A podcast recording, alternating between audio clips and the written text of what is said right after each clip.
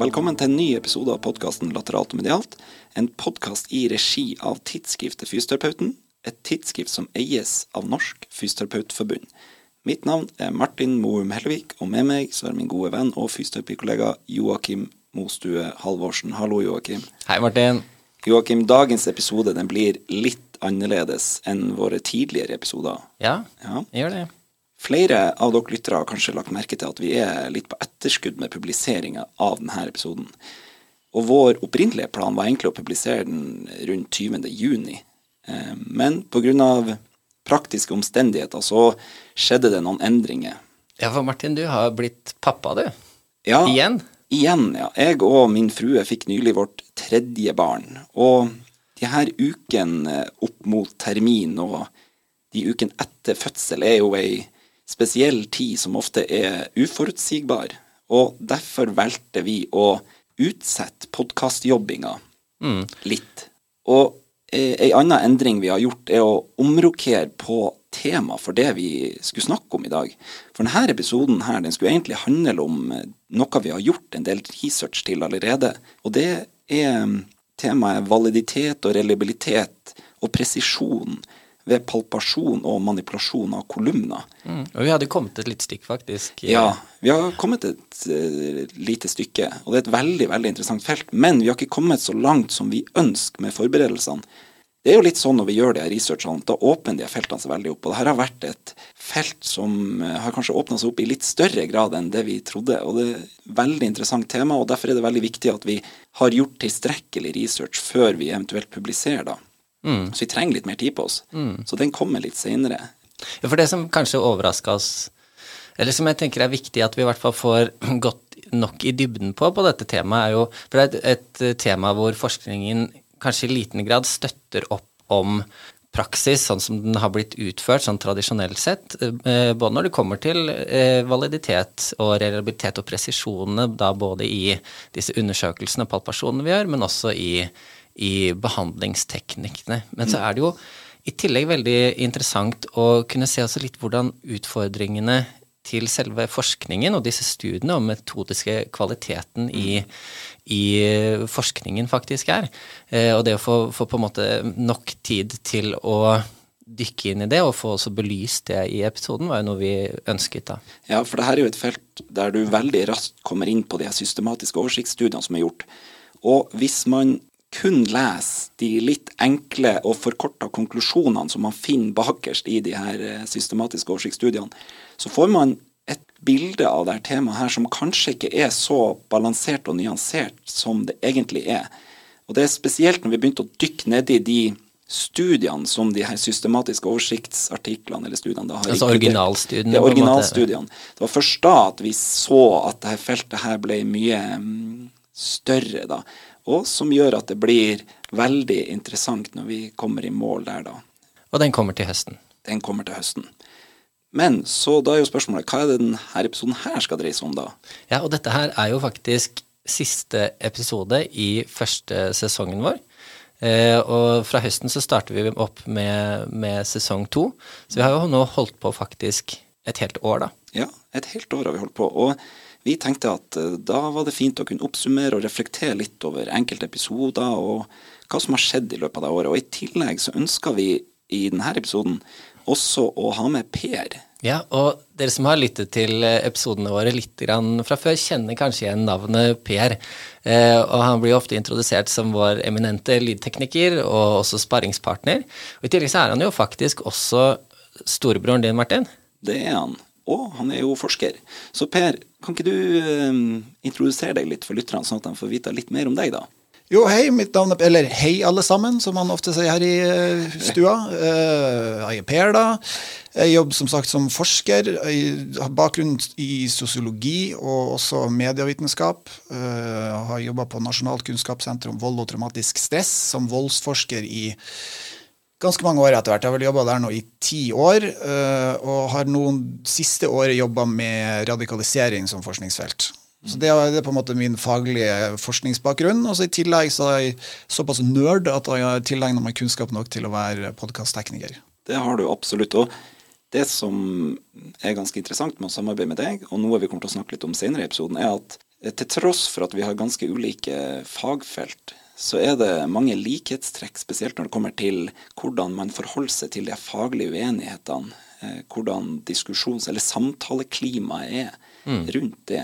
Der er det overraskende mange likhetstrekk. Det er noe vi kommer inn på eh, mer etter hvert.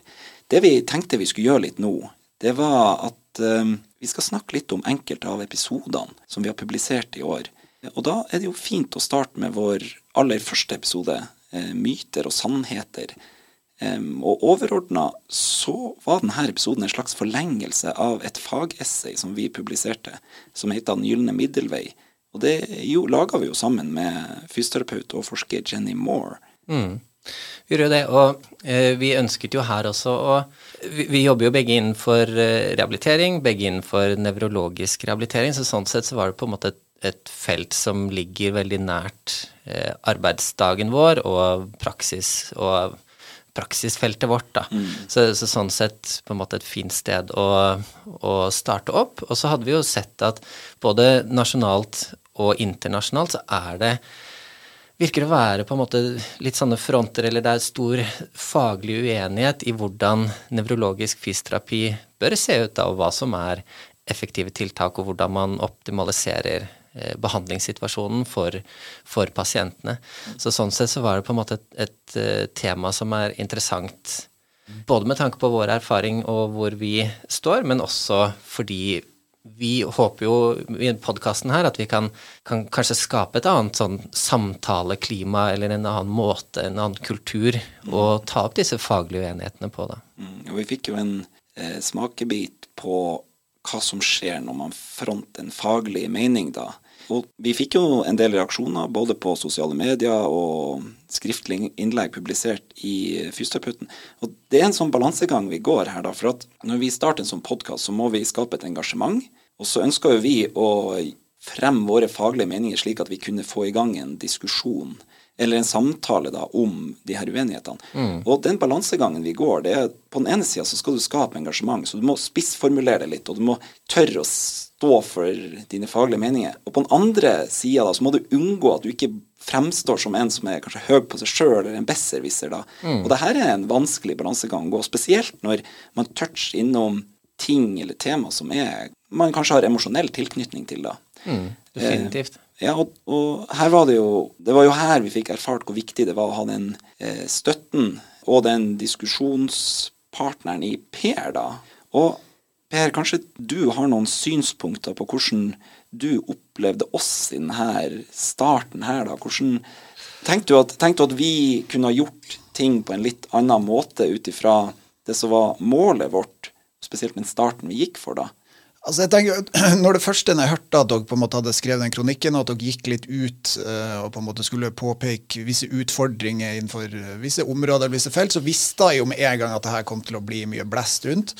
Jeg kjenner jo det veldig igjen fra min forskningskarriere det blir jo ofte ganske sånn hett på en måte i sånne diskusjoner på ulike nivå. Vi har hatt liksom interne, ofte har vi det på der jeg har jobb, så har vi sånne interne møter der vi legger fram f.eks. artikler eller rapporter eller ting vi jobber med, der det skal gis tilbakemelding fra uh, de som er med, og det er jo andre forskere, da.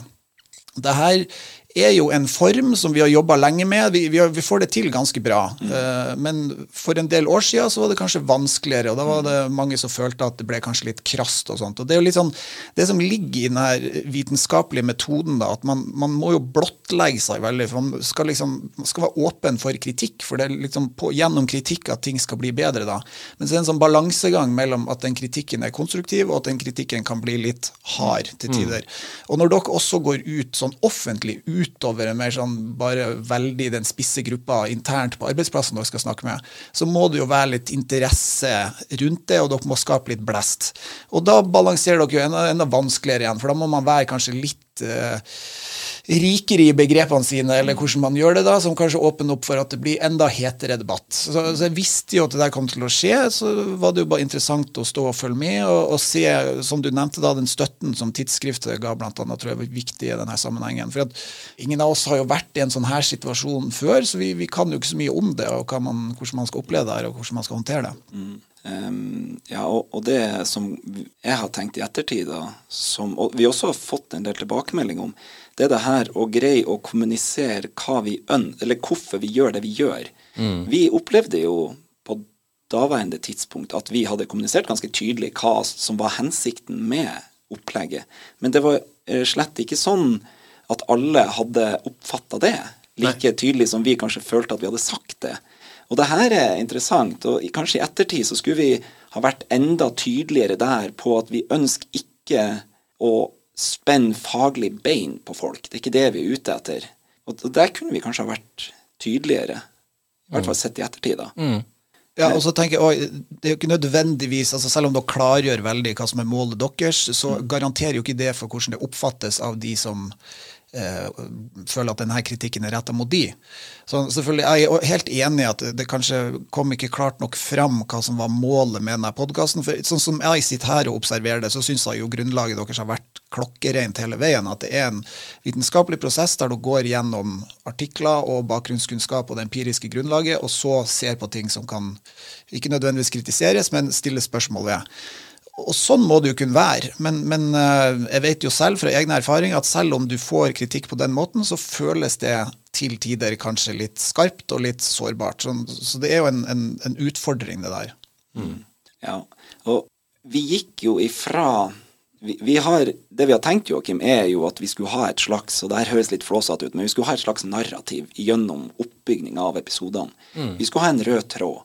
Og Derfor gikk vi jo etter den første episoden rett til en episode der vi ikke kritiserer fysioterapi, men der vi snakker om utfordringer i akademia og innenfor vitenskapelig metode. Og det, er jo, det her er jo et tema som jeg og du, Joakim, er eh, veldig interessert i. Og jeg og du, og Per, du også er jo kjempeinteressert i det her. Og det, den episoden som, vi, som starta her, var jo det vi som kalles replikasjonskrisen, er det ikke det den heter? Jo. Ja. Replikasjonskrisen. Og det er jo også den eneste Eller den er en av de episodene da, sammen med psykomotorisk fysioterapi der vi har to om det temaet. da.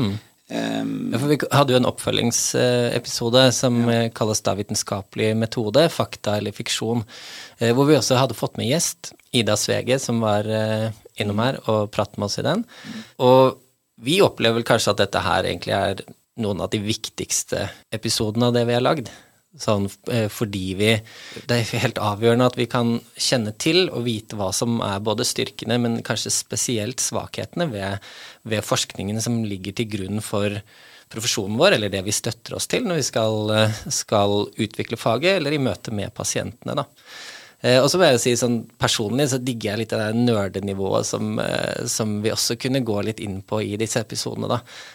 um, og, og se på en måte de tingene som kanskje ikke alle syns er voldsomt spennende, altså, men, men en del sånne statistiske begreper, eller hvordan det kan tweakes eller trikses med, og så får man helt andre resultater enn det som egentlig den dataen man har, støtter opp for. Da. Så veldig interessant eh, område, begge disse her. Ja, og jeg syns jo det er lite fokus på det her. Eh, nasjonalt, i hvert fall nasjonalt, lite. syns jeg det er lite fokus på det. Og Ida er jo, når vi inviterte Ida Svege til episoden, hun er jo en av de som virkelig fronter her, da. Og, men det er interessant, da. Vi ser også på lyttertallene at det her, de to episodene er jo de som Det er jo ikke de som har flest lyttere. Nei, Og det er interessant at vi syns det er det mest interessante. jeg vet det. Det sier kanskje mer om oss. Det sier kanskje mer om oss. Eh, Men Per, det her er jo kanskje det temaet da, som var mest relevant for din del. Og her sparra vi jo mye med hverandre. Og det her, som du nevnte i stad, du, du var litt inne på det, at det her uenighetene, det eh, Når man jobber til og med på forskningsinstitusjoner, at det er vanskelig å forholde seg til det. Ja. Og når man også ser det, at det er store utfordringer i forhold til den metodiske måten man tilnærmer seg vitenskapen, da. Eh, Så det er jo Da var det viktig å ha deg, da. Det var viktig å spille litt på, på dine erfaringer som du hadde fra din forskningsinstitusjon. Og det som kanskje var jeg da syntes var mest interessant der, var at uh, du hadde heller ikke vært så mye innom det feltet, til tross for at du hadde da jobba som forsker ei stund. Altså replikasjonskrisen? Ja. ja, nei. Det, det, har ikke vært sånn uttalt stor ting eh, på forskningssenteret vårt. Jeg får ikke inntrykk av at det er så veldig mye Nå kan ikke jeg snakke for forskningsfeltet som helhet i Norge, så det vet jeg ikke. Det varierer sikkert fra forskningsfelt til forskningsfelt. Men, men det har ikke vært så veldig mye diskusjon rundt det her. Og man, man skulle jo gjerne ha sett at det var f.eks. hovedtema på konferanser osv. Uh, innenfor mitt forskningsfelt så har det ikke vært det, nei. Så, og det, jeg, jeg, lærer jo masse av å sitte og høre på de episodene, og, og, kanskje spesielt de to episodene har jo også vært mest interessant for min del, fordi det er ikke så spist mm. på fysioterapifeltet. og det er jo det her jeg, Dere toucher jo uansett innpå i de andre episodene sånne overordna forskningsrelaterte spørsmål i forhold til metode og implementering og alt det her. Men her var det kanskje mest spesifikt innpå de temaene og hadde det som diskusjonsområder. og det at det er færre lyttere, har jo kanskje noe å gjøre med hvem som er målgruppa deres i utgangspunktet. At det er mye mer sånn fysioterapibasert, i hvert fall målgruppa deres til nå. da, sånn at Det er det mm. de fleste syns er mest interessant å høre på. Mm. Uh, men, men jeg storkoste meg med å få være med i disse episodene her. De eh, første åtte til ni episodene av podkasten vår, det var jo uten gjester. Da var det jo, laga vi et opplegg, og det var et litt sånn da var det jeg og du, Joakim, og så kjørte vi vår egen, eget opplegg. Mm. Men så kom jo den første episoden der vi hadde en gjest, da. Eh, og den ønska vi å trekke fram. Fordi vi, vi snakka lenge om hvordan skulle vi gjøre det, og det ble et helt annet opplegg. Og da inviterte vi jo eh, psykolog Asle Elen. Ja, og han er jo en kollega av deg, så dere har jo jobbet sammen eh, en ja. stund? Ja, han var jo med i episoden som vi kaller for Endringsprosesser. Um, og jeg og Asla har jobba sammen i tverrfaglig team på Katsenteret. Han er jo psykologspesialist, og en som jeg har eh, jobba mye med, da. Mm, og, og, sånn jeg har forstått det, så er vel han en av de som du har sparret litt med på Cato-senteret, og har hatt eh, både gode samtaler og diskusjoner sånn faglig sett med der også? Ja, absolutt. Han er jo en som eh, kan ha samtaler og være faglig uenig, da, og så ha de gode samtalene, da. Eh, og han kan ha det med andre enn meg, altså. Eh, mm. Han har det med mange på Kattesenteret. Han er veldig flink å, å, å, gå inn på det temaet. Um, så var han jo veldig behagelig å prate med, så sånn sett så var det også en, en fin første gjest, igjen litt for vår del fordi dette var helt nytt, det å mm. skulle ha med en, en tredje person, mm. bortsett fra Per selvfølgelig, men enda en inn i, i studio og skulle, skulle spille inn, og hvordan på en måte kommunikasjonen og flyten skulle gå i samtalene. Ja, og han er jo en som er opptatt av hvordan endringsprosesser foregår på et psykologisk plan. Eh, spesielt hvilke barrierer man ofte møter på i de prosessene, og hva som skal til for å overkomme de her barrierene. Og i og med at jeg og du, Joakim, har vært veldig inspirert av boka Think Again, skrevet av psykolog Adam Grant, så eh, ønsker vi jo vi å ha det som tema for første episode med gjester. Og da var jo Asle som Hvis du leser den boka til NM Grant, så er jo det her er ting som Asle jobber mye med. Han mm. kan veldig mye om det. Og Derfor var det så viktig for oss å trekke han inn da, og få høre hans synspunkter på det her med endring, og hva som skal til, da, og hvor vanskelig det egentlig er. Mm. Og ja, Vi har jo nevnt den boka tidligere i podkasten, og vi anbefaler jo folk å lese den. altså. Mm. Jeg har vel nevnt den, eh, Det er vel sikkert tredje eller fjerde eller kanskje femte episode vi prater om den boka nå. Vi får ikke provisjon. For Nei, det får vi ikke. Faen, det skulle vi hatt. Det er en veldig bra bok. Ja, Det er bra. Det, er det, altså. det vi la merke til, var jo at uh, etter vi var ferdige å spille inn episoden, så endte jo Asle og Per opp med å sitte og snakke nesten like lenge som vi satt og spilte inn. For det var jo noe dere to eh, kunne dele erfaringer og meninger om. Dere hadde jo begge eh, har jo drevet med forskning og, ja. og har, eh, ja, som vi har vært litt inne på, erfaring med det her å stå i endringsprosesser og gjøre det i ja. ulike fagfelter. Altså, jeg synes jo Innebygd i det å være forsker, så burde jo evnen til å endre synspunkt burde jo være noe av det du er flinkest til av alt. fordi at du skal jo egentlig styres av empirien og det du finner. Eh, hvis man ser tilbake en del år, så var det jo gjerne sånn at det du kom med eh, i doktorgraden din, f.eks., det la grunnlag for hele din vitenskapelige karriere omtrent. Da var det det du fortsatte med. Og det er jo bra på en måte, men dårlig på den måten at du, da, da, kan du eventuelt bli litt sånn låst i det du mener at du har funnet, og som du mener er riktig, da, eh, i videre forskningsøyemed. Mens jeg føler at nå i kanskje nyere år Igjen, jeg kan ikke snakke for alle forskere, men jeg synes at vi som er litt vi regnes som, altså Jeg er 40 år, men jeg regnes som yngre på arbeidsplassen min.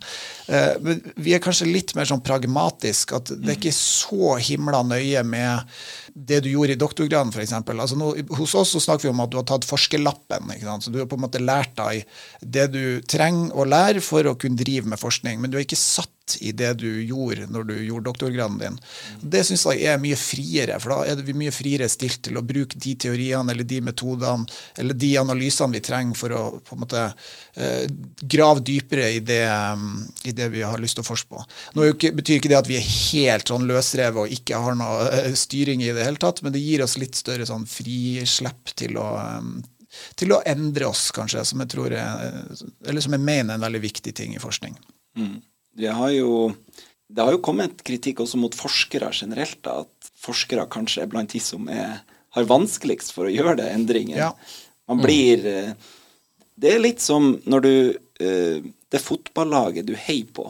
Du begynte bare å heie på det, for det var litt sånn vilkårlig. ikke sant? Når du var liten, så plutselig så begynte du å heie på Manchester United. Og det er litt sånn med de fagfeltene man velger, og de eh, tingene man forsker på. Man kommer til en institusjon, man har enten praksis, eller man begynner å jobbe der, og så blir du liksom litt satt i det. Og så velger du litt det laget, da. Og så er det vanskelig å løsrive seg litt Man, på det. man blir så investert i det, ikke sant. Det Ja. er jo det, man har jobbet med, eller tatt doktorgrad innenfor. Så det er klart det er, eh, er en vanskelig endringsprosess å skulle gi slipp på det.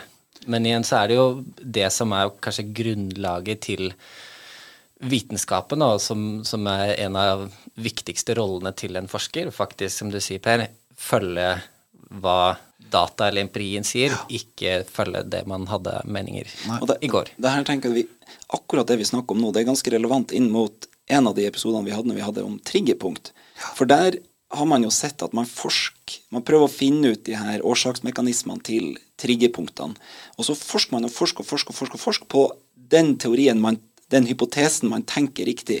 Og så finner man egentlig Man finner ikke så mye der, men man, så gjør man helt sånne små justeringer. Man driver fortsetter å lete innenfor det eksakte feltet der. Er Som han Quintney sier, at vi ser fortsatt under samme lyktstolpen Ja. eller med samme lampa, og så leter vi kanskje på helt, helt feil sted da, Ja. for å forklare det. Men, men det tror jeg òg at man må huske litt av naturen av forskninga og en forskerutdannelse, som er jo nettopp en ekstrem spissing. Det er jo det en forsker gjør. Altså du, du på en måte bringer videre feltet ditt, men det er jo den bitte lille spissen av forskningskunnskapen som du bringer videre. Og det som skjer da, er at du tenderer jo da til å tolke ekstremt mye inn i det lille spisse. Altså, jeg ler jo av meg selv og andre forskere hvor fantastisk evne vi har til å se relevans i alt rundt oss inn i det feltet vi driver på med. Og så har det jo også med personlighet å gjøre. Altså, det er jo visse folk som på en måte ser en forskningskarriere som eh, tiltrekkende, som er annerledes fra andre folk. Og kanskje visse ting der er at man er veldig glad i å pirke på ting og, og studere ting veldig spesifikt og, og over lang tid. Og da blir man jo litt sånn satt i sitt felt. Så det er jo kanskje ikke så overraskende at det er vanskelig for forskere å endre seg, for da mister du kanskje litt av det du har som en sånn forskningsidentitet. da. Og når eh, Vi snakka jo i stad om den her røde tråden og det narrativet. Og når vi trakk inn Asle, så var jo egentlig det strategisk tenkt eh, videre også, fordi vi når vi gjennom podkasten og gjennom det året her har sagt at vi ønsker å få til de vanskelige samtalene, så eh, mener jo jeg at vi fikk et Vi greide i hvert fall å ta et veldig stort steg i riktig retning når vi greide å invitere inn Anne Gretland og Hege Westgård til å ha epi oppfølgerepisoden til eh, psykomotorisk fysioterapi. Fordi når vi publiserte vår første episode der, så fikk vi jo eh, ganske mye tilbakemelding. Og hvis man leser eh, tilsvaret til Anne, da, eh, så har det en tone i seg som jeg kan eh, tolkes som ganske krass, da. Og det at vi greide å for det første kontakte dem, og så snakke med dem og få dem til å stille opp på den podkasten her Helt annen verden å sette seg ned, ta en kaffekopp først, småprate litt, og så ha den samtalen her i, i studio og ansikt til ansikt. Ja, ja det tenker jeg. Det var, det var kanskje det rareste med det. For at vi hadde jo forvent... Eller det var kanskje ingen av oss fire som var i det studioet som som visste hva vi egentlig gikk til. Nei, vi gjorde jo ikke det. Nei. Men så ble det en veldig Og det vil også si at det ble en veldig fin eh, Vi hadde flere møter med dem i researchfasen òg, og det var alltid en veldig ryddig, fin, respektfull tone. eh, Til tross for at vi kanskje har, ser ulikt, faglig sett ulikt på ting. da. Og det ble spesielt fint når vi møttes. Fordi det første var jo på Zoom, de møtene vi hadde før vi møttes her. da. Mm. Men det å, å sitte sammen fysisk og snakke, eh, det var interessant. Spesielt med tanke på de skriftlige tilsvarene. Mm, helt klart. Og det, jeg tenker at akkurat den, det som skjedde der, det bekrefter viktigheten av å faktisk møtes fysisk for å snakke om det her. At det ikke skjer via kommentarfelt, eller kun skriftlige tilsvar. Ikke sant? Det er jo det vi har snakket om, om tidligere også. Det blir på en måte en sånn kommunikasjon, den skriftlige formen, ofte hvor man står bare og roper i sin retning eh, helt uavhengig, og trenger egentlig ikke å, ta til seg noe av den kommunikasjonen, eller det som kommuniseres tilbake. Altså, det blir jo ikke en dialog, det blir ikke en samtale. Det blir bare hvem som kan rope høyest i sin ønskede retning. Da. Så veldig veldig glad for at vi fikk til den episoden, og at vi kunne sette oss ned, at det ble en såpass bra, bra opplevelse. Jeg tror jo for alle oss fire at det var en, en fin opplevelse, da. Jeg synes jo det er interessant ifra altså min medieforskningsbakgrunn òg, så er det jo snakk om ofte om båndbredde og sånn, og kanskje det begynte å bli et litt eldre begrep etter hvert, men, men det viser jo nettopp det her som man ser bl.a. på internett, i kommunikasjonsformen der, at hvor krass det blir dess smalere båndbredden er. Altså når det er bare skriftlig, så er det så vanskelig å, å få igjennom alle denne meningen og forbeholdene og alt man tar. Eh, og dess lettere er det når dere er over på Zoom, så er det bedre stemning, og når, når dere møtes her alle sammen til slutt, så er det enda bedre stemning. Og nettopp det her gjorde jo, jeg tror det var NRK, hadde jo en sånn dokumentarserie eller et eller annet sånt, der de inviterte folk fra kommentarfeltene som hadde vidt ulike meninger, og satte dem ned på en restaurant eller hva det var, og ba dem om å ha en samtale hvor med en gang det er menneskelig i oss når vi ser hverandre og vi må forholde oss til den andres ansiktsuttrykk og mimikk og alt mulig, hvor mye mer sånn moderat vi blir i, i, eh, i uttalelsesformen. da. Eh, og det er jo helt klart en utfordring i, hvis vi skal trekke det tilbake til forskningsmessige, der kritikken går jo ofte i artikler og kronikker, og, ikke sant? og da, da blir det jo fort kanskje litt krassere enn enn det trenger å være. da. Og så mister man jo disse nyansene, da. Ja.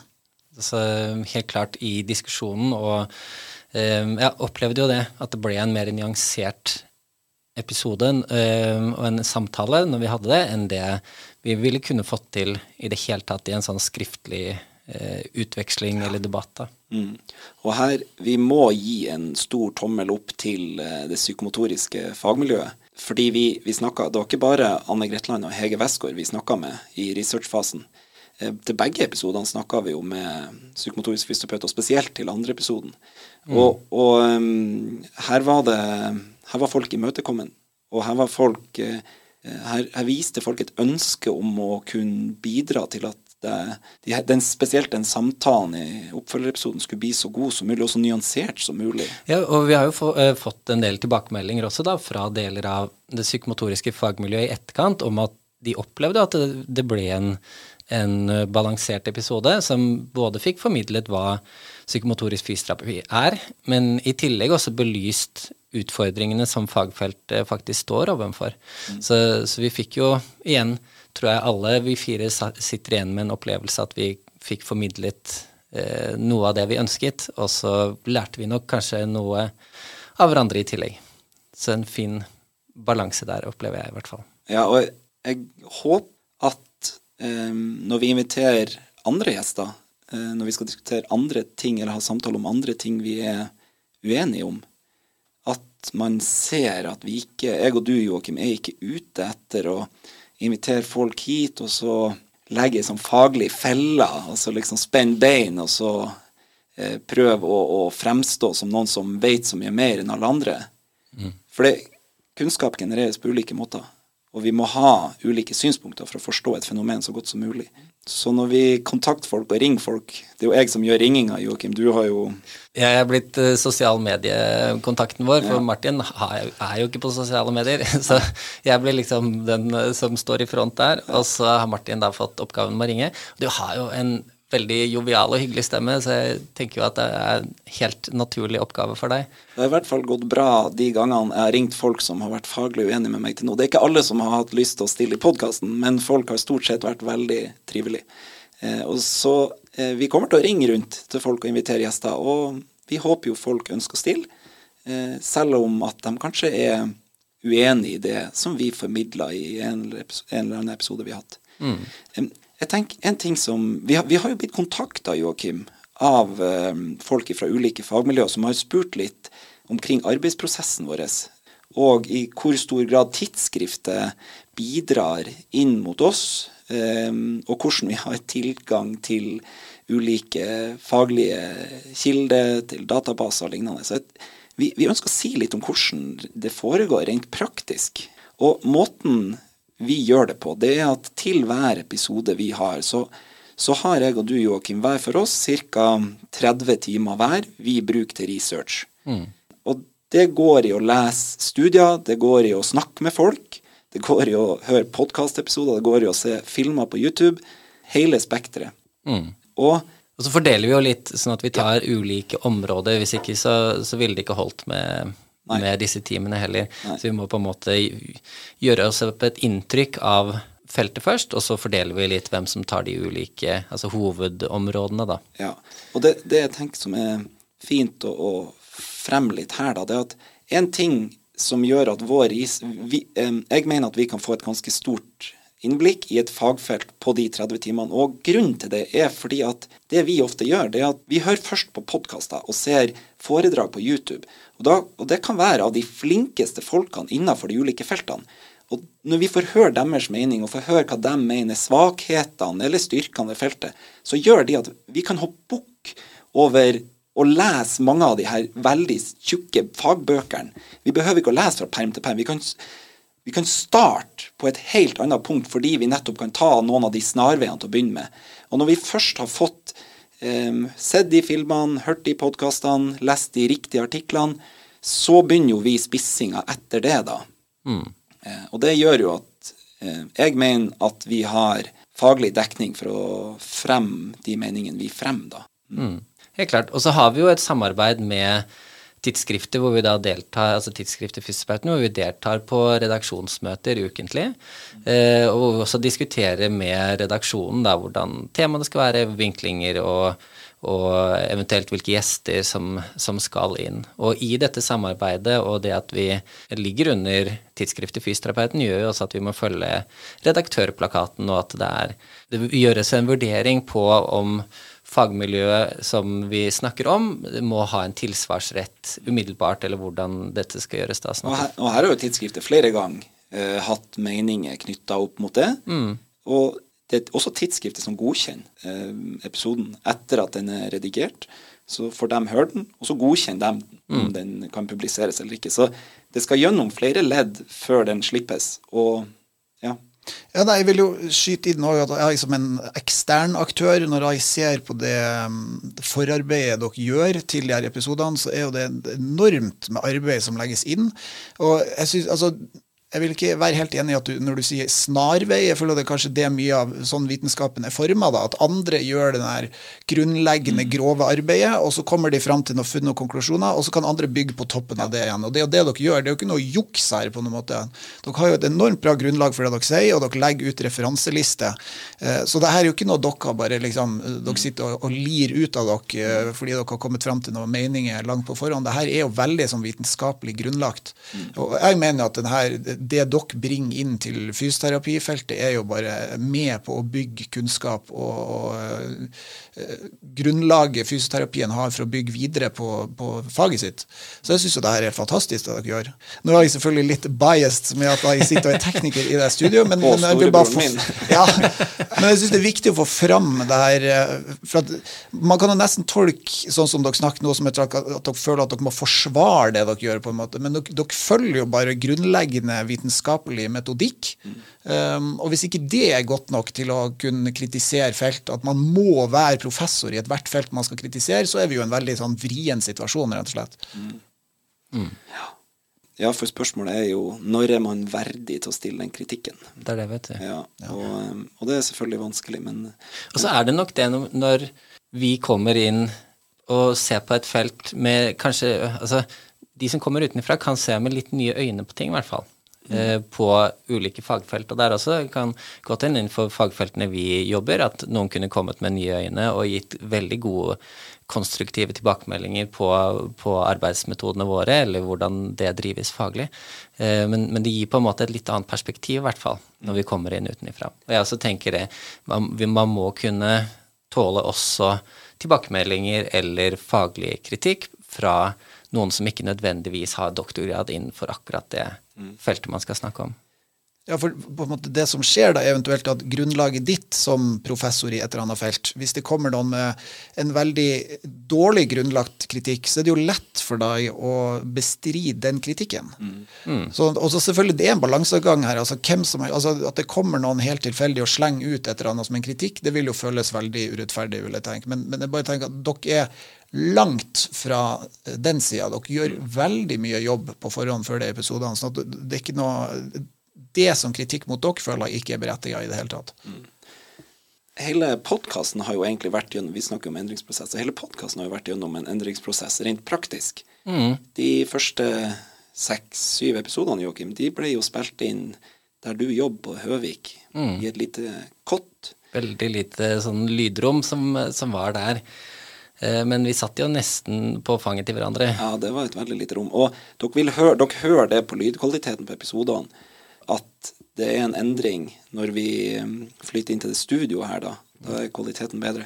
Så var det jo relativt tidlig på morgenen vi måtte spille den også, for Martin er en eh, morgenfugl uten like, og i tillegg så var det litt sånn av praktiske eh, årsaker, fordi eh, vi ikke skulle ha lyd eller bråk fra, fra andre kollegaer, da. Ja, så vi, vi måtte jo spille inn før de første på din jobb begynte å trene på morgenen, så vi starta jo klokka seks eller noe å spille inn Ja. på morgenen. Kan godt, høre meg det kan, kan godt hende at man hører at stemmen min også er litt trøttere i de første episodene enn det, det den har blitt nå. Så eh, nå er det ikke slik lenger. Nå spiller vi gjerne inn på sen, eller på ettermiddagen, da, litt sånn utover kvelden, eller i helgen. Og vi ønsker, når vi får gjester, at vi skal spille inn her i studioet. Så det som er kabalen her, da, det er jo å få gjestene våre til å være i Oslo på et gunstig tidspunkt når vi også Så det her er jo en Logistisk utfordring for å få til dette her. Ja. Men vi har fått det til da til nå. Det har vært uh, veldig fint, det. Jeg ønsker, før vi, før vi nærmer oss avslutninga, så ønsker jeg å trekke fram Vi hadde jo en Vi var jo satt opp på Fysioterapikongressen til å ha en presentasjon. Og det var jo tidligere i vår. Og eh, det som var interessant Jeg hadde ikke så lyst til å si så mye om den presentasjonen vi hadde, men det, det å være på Fysioterapikongressen og få mulighet til å møte alle de som hadde skrevet enten tilsvar eller mot eh, i, i forhold til podkasten, eller som har kommentert på sosiale medier i forhold til podkasten. Både de som hadde retta kritikk, men også de som hadde kanskje vært, eh, kommet med positive tilbakemeldinger. Det var veldig eh, interessant å møte dem. For igjen der så, så gikk jo jeg Og jeg har jo ikke sosiale medier, så jeg er jo ikke like utsatt for det. Men jeg visste at det var mange kommentarer der som var kanskje av en litt krass karakter. Men det var finurlig det å gå bort til folk og snakke med dem fysisk. Face to face. Det var en, I de aller fleste tilfellene så var det en veldig fin greie. Til og med folk som var veldig faglig uenig, eh, viste en sånn respekt, da. Og det, det, Igjen, det er den, det, det å faktisk stå ansikt til ansikt Ja. og, og kunne ha en samtale. Eh, det, det bringer diskusjonen på et helt annet nivå, da. Det Ja. blir en helt annen eh, nyanse i det. Det bygger litt eh, opp under det at vi ønsker å invitere gjester hit, og at vi ikke ønsker å ha de samtalene enten på Zoom da, eller Teams. Teams. Ja. Nå nærmer vi oss eh, avslutninga av denne eh, episoden, og, og det vi ønsker å si kort om helt til slutt, det er hva, noen av temaene vi skal innom i sesong to, da, spesielt til høsten nå, da. Vi skal jo først innom det her med spinal palpasjon og manipulasjonsbehandling, som blir en veldig veldig interessant episode, og der håper vi å skape litt engasjement. Vi skal ha en episode der vi snakker om utfordringer og gunstige sider ved NFF sin spesialistordning. Vi skal også se om vi kan få trykka inn en episode om placebo. Mm. Jeg gleder meg veldig. Jeg tror det blir en kjempespennende, kjempespennende høst. Ja, og vi er allerede i gang med å prøve å få invitert gjester til oppfølgingsepisoder av de eh, episodene vi allerede har hatt, f.eks. om eh, kjernemuskulatur, eller om triggerpunkter, eller hva det skal være. Mm. Ja. Ok. Avslutningsvis så vil jeg eh, gi en stor takk til redaksjonen i tidsskriftet Fysioterapeuten, som har vært en solid partner nå gjennom det året her. Og så vil jeg jo gi en stor takk til deg, Per, som har eh, gjort alt det tekniske knytta til innspillinga av det her episodene. Og for at du var med i episoden i dag. Jo, takk for at vi var med. Ja. Og så har det vært artig, Joakim, at jeg og du uh, gjorde det her.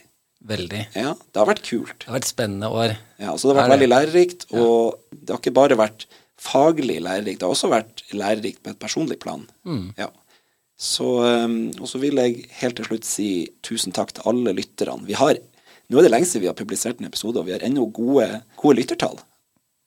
Og, og det, vi, vi slipper episoder relativt sjeldent sammenligna med flere andre podkaster, og vi har allikevel ganske gode lyttertall. Og det er vi så utrolig takknemlige for. Og vi skal legge ned den innsatsen vi har lagt ned hele det året her. Det kommer vi til å gjøre i eh, sesong to. Og vi kommer til å touche innom de her vanskelige eh, temaene videre i podkasten her. Eh, og vi tror eh, vi kommer til å få til det som er målet vårt, nemlig å skape en et bedre samtaleklima, en bedre kultur i fysioterapien til å ta opp de her vanskelige problemstillingene som farger faget vårt. Så da gjenstår det bare å si takk for oss. Takk for nå.